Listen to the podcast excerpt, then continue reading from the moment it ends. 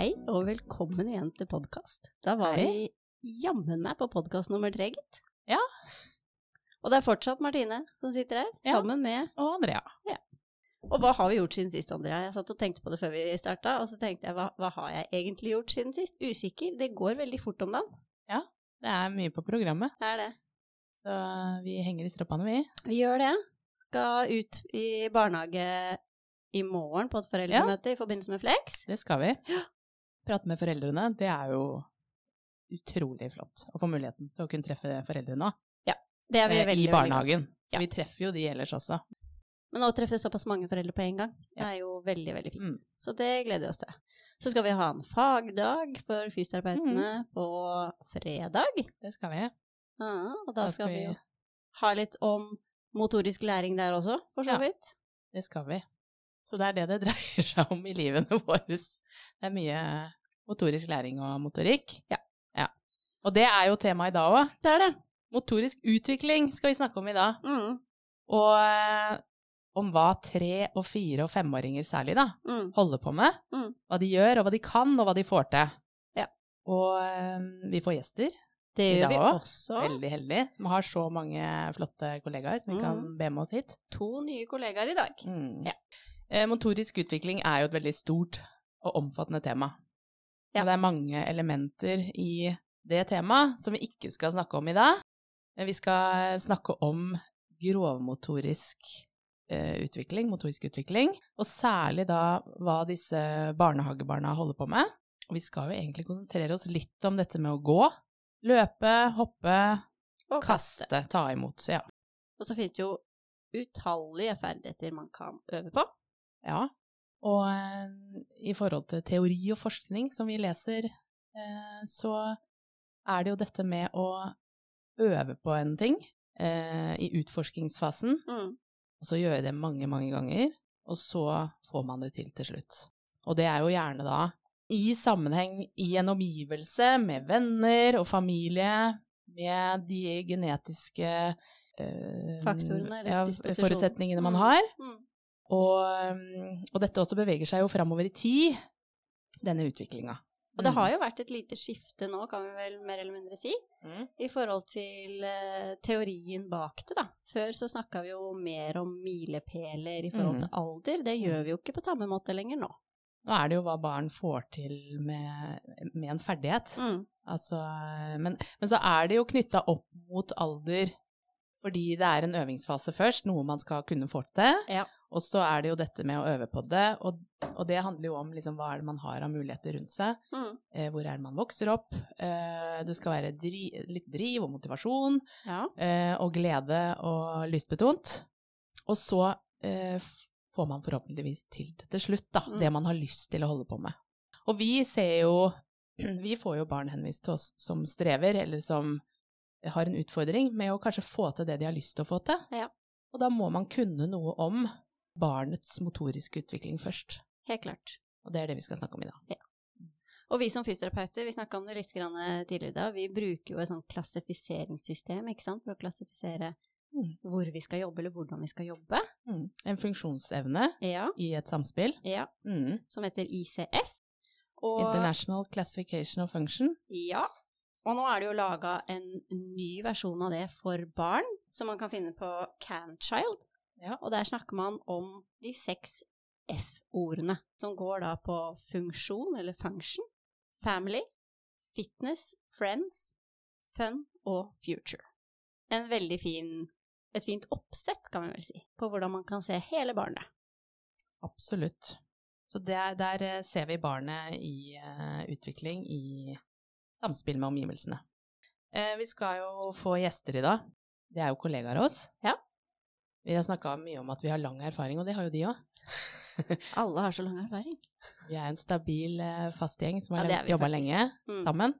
Heldig. Så i dag kommer eh, Stine Marie Iversen Ja. og Tonje Hegna Rove. Da skal vi eh, få det inn. Det gjør vi.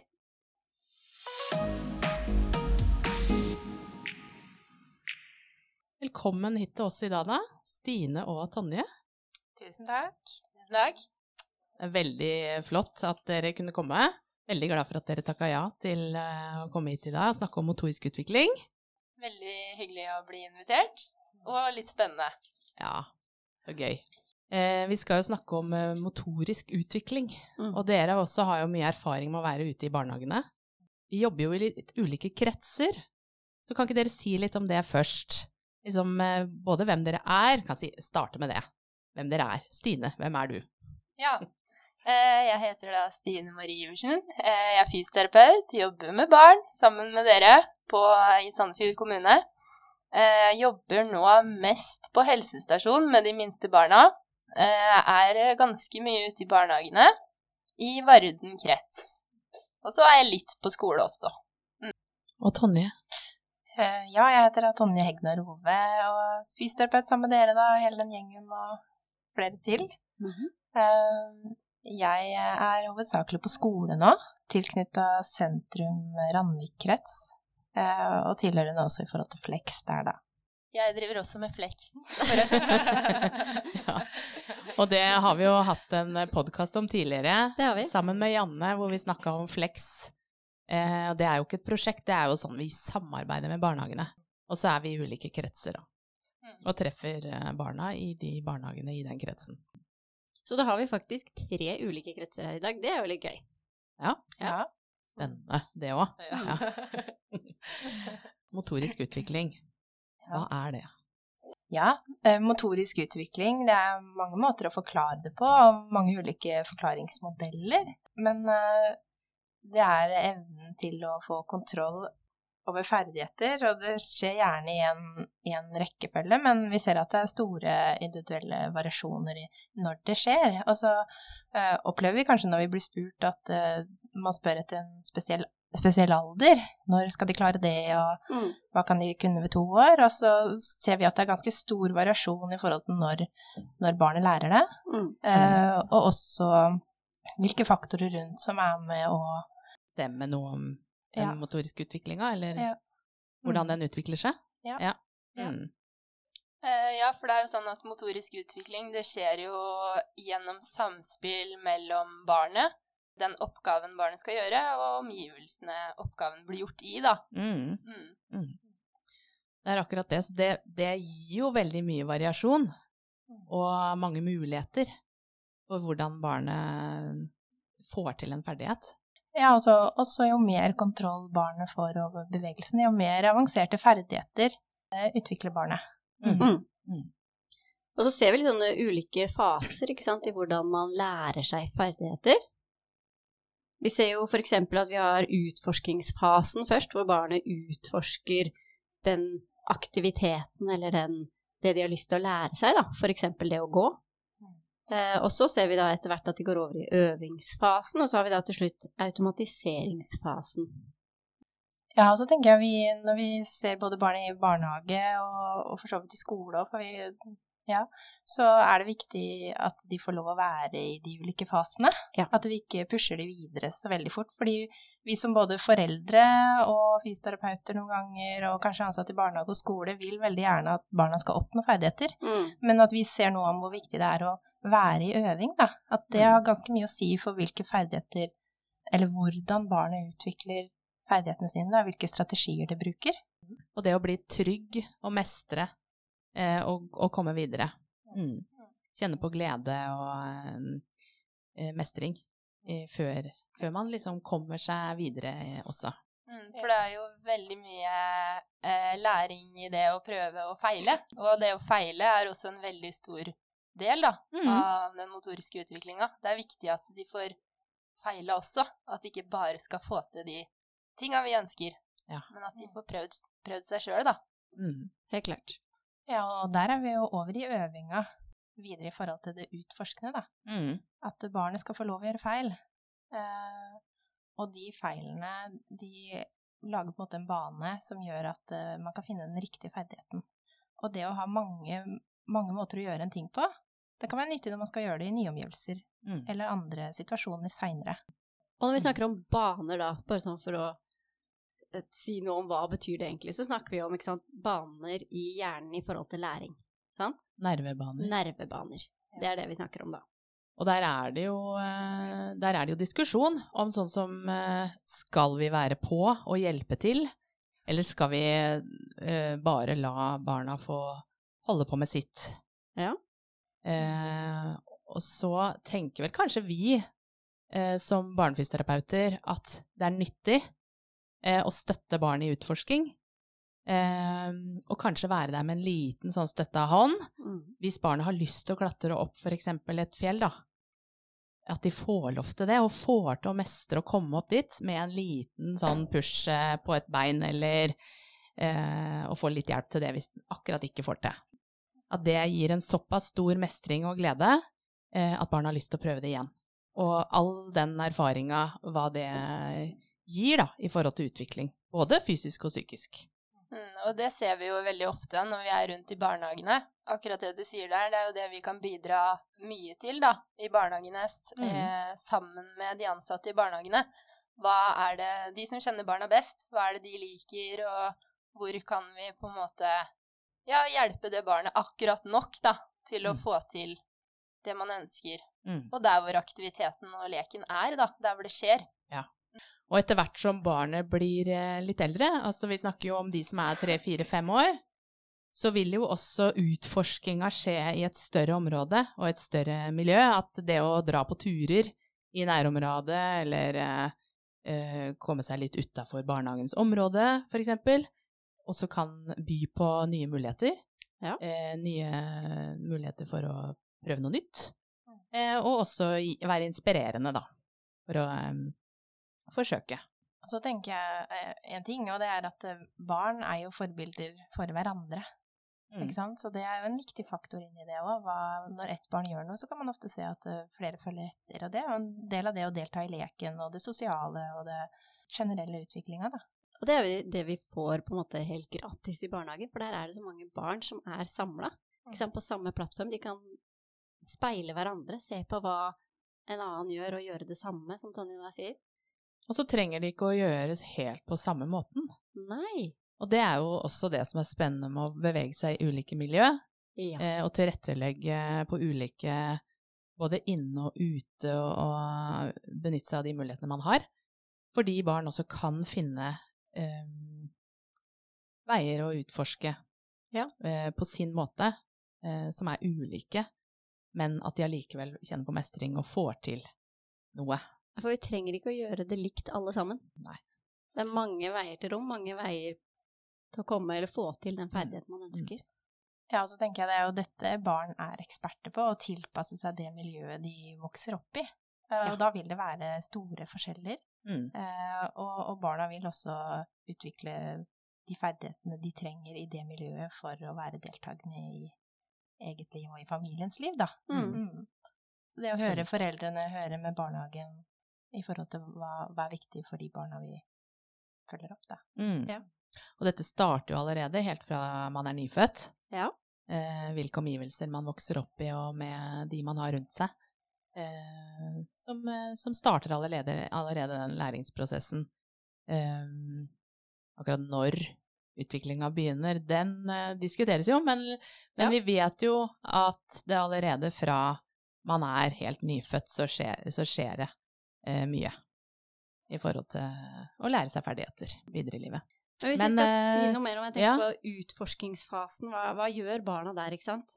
Ja. Jo, de, de samler informasjon, de tar inn sanseinntrykk, altså persepsjon, som vi kaller det, ikke sant? Og eller utforsker hvordan bevegelsen kan gjennomføres på egen hånd. Så de, de Mm. gjør det på mange forskjellige måter, sant? Mm. I en utforskningsfase. Mm. Prøver å gjøre samme ferdigheten på mange ulike måter, og får masse sanseinntrykk. Mm. Kan jeg skyte inn noe der? Kjør på! Jeg fikk en snap av venninna mi i går kveld. Ja. Eh, og det var da en nesten toåring som mm. hadde funnet fram en sånn eh, Ikea-krakk Ja. på sånn ca. 20 cm høyde. Eh, og hun gikk da opp på den krakken, og det så ut Altså, hennes eh, hennes eh, utforsking var nok å prøve å hoppe ned fra den, da. Ja. For du så på en måte at hun begynte litt med svikt i knærne, og hodet liksom fulgte med. Mm. Men så gikk, gikk hun på en måte ned. Ja. Og så klappa hun, da. Og var veldig fornøyd med det. Men jeg tenker og hun var nok på den der hoppe... Litt sånn utforsking på den Ja. hoppestadiet, altså. Ikke sant? Og hva dette her blir etter hvert som man har gjort dette mange ganger. Ja. En opplevelse av glede og mestring av å faktisk komme seg ned, da.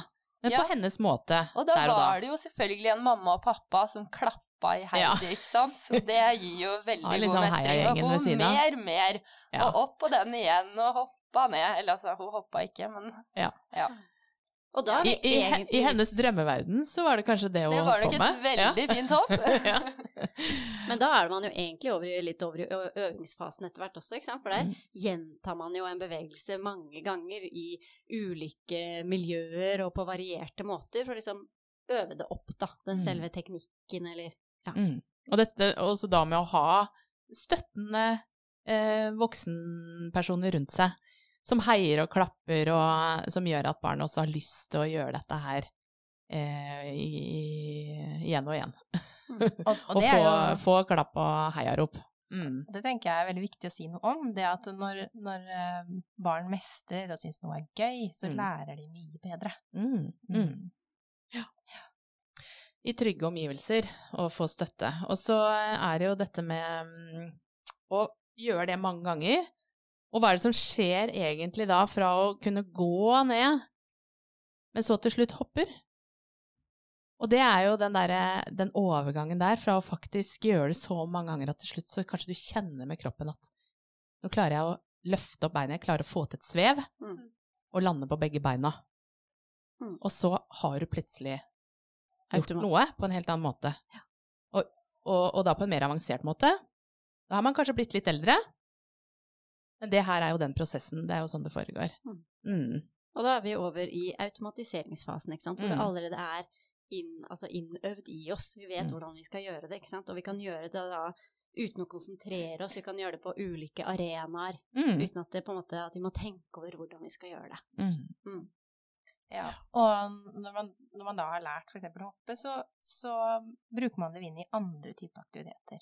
Mm. Ikke? I gymmen. Da, slipper, da konsentrerer man seg ikke om å hoppe, men da bare hopper man fordi man er med i en eller annen aktivitet. Ja. Eller løp. Spille håndball, trenger man det. Ikke sant?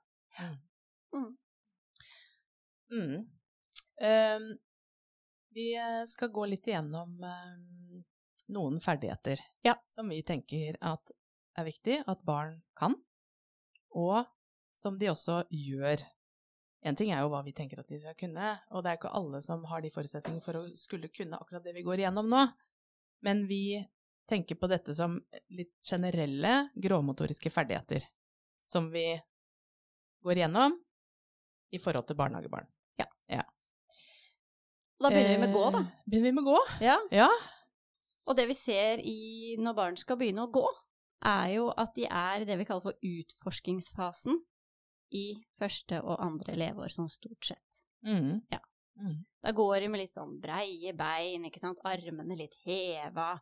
De har ikke rotasjon i ryggsøylen, som vi kaller det. Eh, kan gå litt sånn stabbete på en bred fot. Ja, litt ustabilt. ja, veldig vanlig å ha ganske flate føtter. Ja. Ja. Som er eh, Ja, at hele foten er nede på underlaget. Ja. ja. Men ikke sant, den, det, når de er sånn to-tre år, var det ikke det du Den første utforskningsfasen er ett Ja. til to. Ja. For da har de jo allerede klart å komme seg opp. Det har de. Eh, og da snakker jo vi om understøttelsesflate, at nå har de en Ja. mindre understøttelsesflate. De støtter seg bare på føttene sine. Så allerede der er det jo skjedd masse, Helt altså klart. som vi ikke går gjennom nå. Ja. Men eh, Fra de begynner å ligge Ja, på matta. ja. hvor de Og har mye understøttelsesflate. understøttelsesflate. Ja. Men nå har de kommet seg opp og står og balanserer over eh, føttene sine. Ja. Mm. Og så tenker jeg der at de også mestrer å gå på ujevnt underlag, Mm. eh, og at det er en veldig viktig del av utviklinga, da. Å legge til rette for at de kan gå på gresset og på sanda, og, og når vi er rundt i barnehagen i Sandefjord, så har jo de en eh, veldig store, fine utearealer som Mm. legger til rette for det her, da. Mm. Hvor de kan få mye variasjon Mm. i det å gå. Mm. Hva er det som skjer videre Nei, ja, Tone, du skulle si noe? Nei, jeg skulle si det at uh, man kan jo tenke seg en, en barnefot som ikke har stått før. Mm. Altså som ikke har fått noe Ikke noe stimuli gjennom foten på hvor kroppen befinner seg i et rom. Så, så vil jo det naturlig eh, bruke mye tid på å stå på foten, få impulser opp til hjernen og forstå hvordan skal jeg balansere denne kroppen. Ikke bare ved å stå, ikke sant, men at man skal begynne å bevege seg også. Så den øvelsesfasen tar tid, Ja. tenker jeg med ganske mange. Og, og, og foreldre er opptatt av at de skal komme seg videre. Men der tenker jeg det er viktig å være litt, da. Masse læring i å være eh, før de går videre. Mm. Ja. Men hva skjer eh, videre, eh, sånn etter ett til to år cirka, i forhold til å gå? Sånn når de begynner å bevege seg opp mot to-tre år, Ja, tre-fire ja, da ser man jo at de ikke er så breispora lenger. At de kommer Mm. litt smalere, smalere fot med føttene. eh, Og at de begynner å få hælen i bakken først når de går. Ja, det er det vi kaller begynnende fotavvikling. Ja. Og da går de, ser vi at de går fra hæl til tå, ikke sant. Det er dit vi vil den begynnende fotavviklingen som Tonje snakker om. At de skal rulle over foten, som vi ofte snakker om som fysioterapeuter. Mm. De har så vidt begynt med det, da. Kan jo ha litt lengre steg, eksempel, kan de også ha når vi er over i da øvningsfasen to til tre år. Ja. Men de har såpass god eh, balanse at de kan drive med retningsendringer. Og så har de, begynner de å få med armene sine. Begynner de å få en armsving. Mm. Det, og det vitner jo om bedre kontroll på balansen, da. Ikke sant, for da er Mm. armene tatt ned langs siden, sånn at du kan ha en begynnende armsving, istedenfor å gå med de heva sånn fremfor seg for å liksom ta seg imot, eller hva man skal si.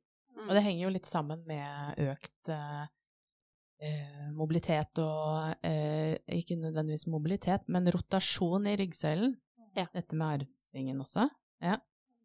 det koster jo, eller eh, krever, vil jeg vel si, ganske mye god det vi kaller for postural kontroll, det å kunne ha den rotasjonen i ryggsøylen. Mm. Nå skal vi ikke prate så mye om det i dag, Ja. men, men det, det krever ganske mye postural kontroll for å Ja. gjøre en rotasjon, da. For Mm. å holde balansen. Ja. Og så går vi over i automatiseringsfasen. Det, den er ganske lang, egentlig, i forhold til det å gå. Noen Mm. har liksom fått automatisert gangen allerede fra treårsalder, men noen er ikke der før de er nærmere seks. Det er dobbelt så mye, egentlig. Ja, der ser vi jo stor, stor variasjon. Man kan tenke deg når man, når man spør foreldrene eh, når lærte barnet ditt å gå, så sier de det tallet, og så stopper det der. Mens Ja. vi ser jo at uh, dette skjer over lang tid, uh, og at det er mye lettere ledigere gange, at de har en flyt i fotavviklingen, mer rotasjon, armpendel, uh, motsatt arm og ben som pendel, ja, Ja. Mm. med det de går. Mm. Dette har jo også sammenheng med, med musklenes utvikling og beinstrukturen sin utvikling også. Og så har vi jo noen andre faktorer, tenker jeg, som kan påvirke gange, og det er det som vi snakker en del om, og det er sko. Ja. Mm. Mm. At eh, det er mye lettere å gå hvis man har en sko som sitter godt på foten, enn en for stor sko eller en Sherrox eller Ja. Mm. Mm. Absolutt. Og på ulike underlag. Mhm. Skotøy eller barbeint på ulike underlag.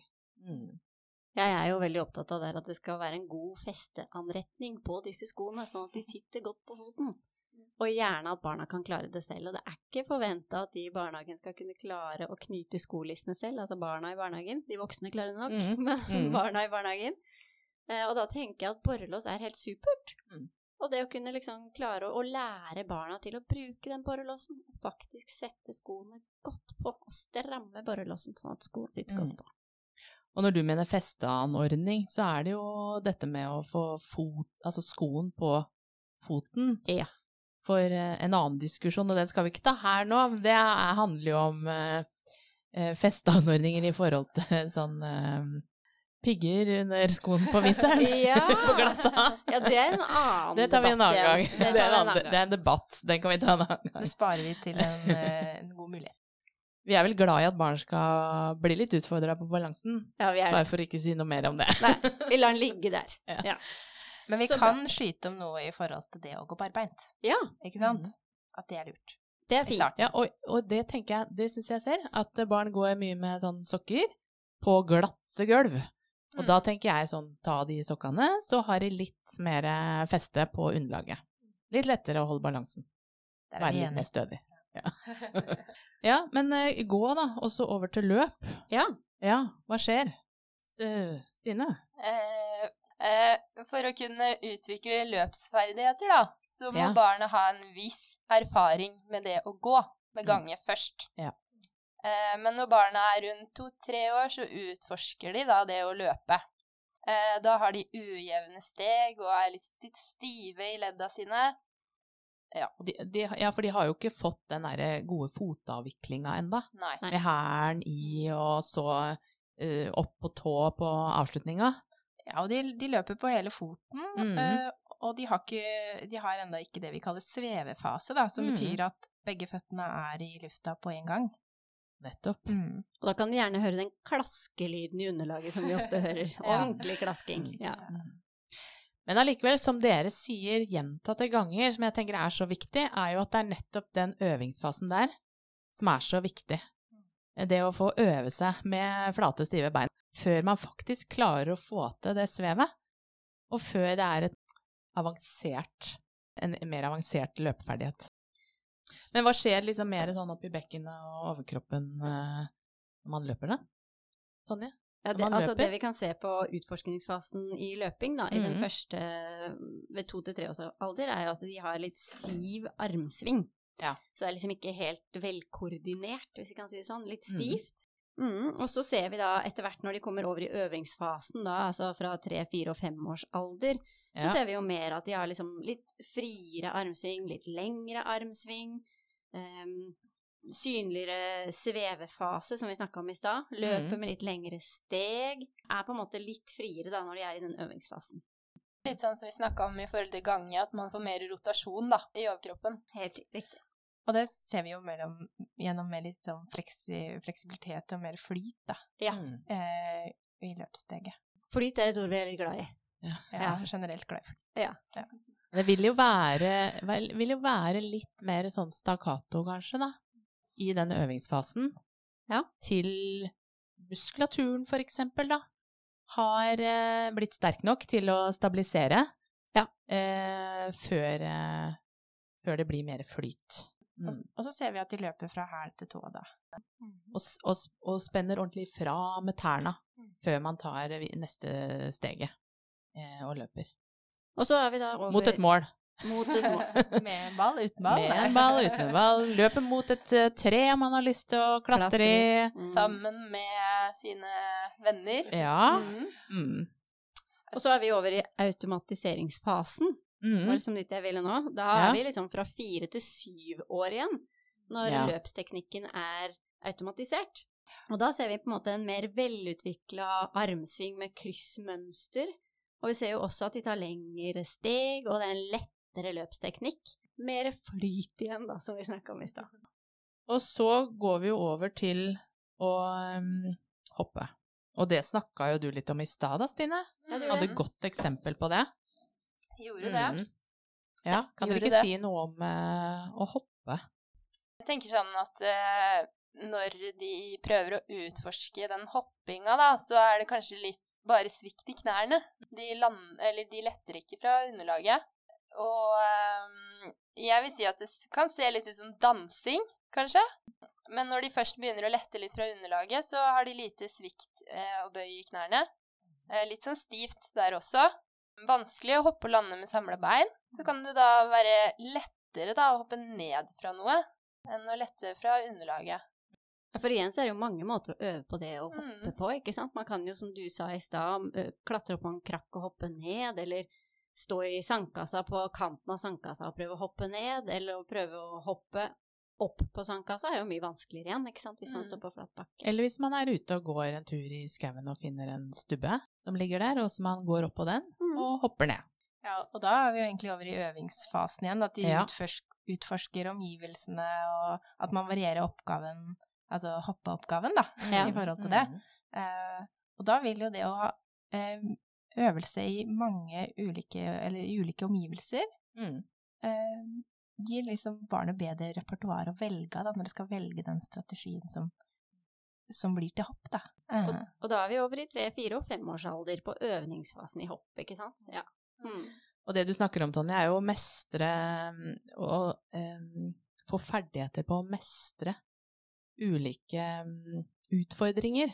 Eh, og det å også sånn psykisk, da, tenker jeg sånn dette med å jobbe med noe og få til noe eh, på ulike arenaer og i ulike omgivelser, eh, som gjør at man får også ferdigheter eh, på å skulle mestre ulike utfordringer. Ja, og at de barna er jo drevet av aktiviteten i seg selv, så Mm. bare det å ikke få til, så prøver de igjen og prøver igjen, og så er det jo litt vår oppgave, da, Mm. eh, å se at ikke de får det helt til, og hvordan kan vi hjelpe dem? Hvordan Ja. kan vi tilrettelegge kanskje for at de får den mestringsopplevelsen som gir glede og læring og ja, hele Og den på- biten der. på barnets premisser. At, eh, at det ikke nødvendigvis er sånn at det er vi voksne som nødvendigvis skal dra barna med på noe de absolutt ikke har lyst til, men at det er noe de sjøl har lyst til å utforske. Eh, og få den lille støtta til å få til det. Ja, og når vi ser at de er i øvingsfasen i forhold til å hoppe, så, så ser man det tydelig i forhold til at de bruker armene mer. Bruker vekta si, lener seg kanskje litt mer fram og bruker armene og spenner fra, da. Mm. Mm. Mm. Men det vi voksne kan gjøre, er jo å begynne å hoppe selv, og se om barna har lyst til å være med, ikke sant? Om vi gjør en ferdighet, om vi begynner å danse, da. Midt på dagen setter på en låt og begynner å hoppe og danse rundt, eksempel, så kan jo de minste barna synes det er kjempegøy å begynne å få den svikten i knærne, da. Da er det jo flere av oss som må trene litt mer bekkenbunnsmuskulatur, da. Ja, kanskje alle Skjønner ikke hva du mener. Det er veldig bra. Det, det trenger vi også. Ja, Det også er muskulatur vi. som vi trenger å trene.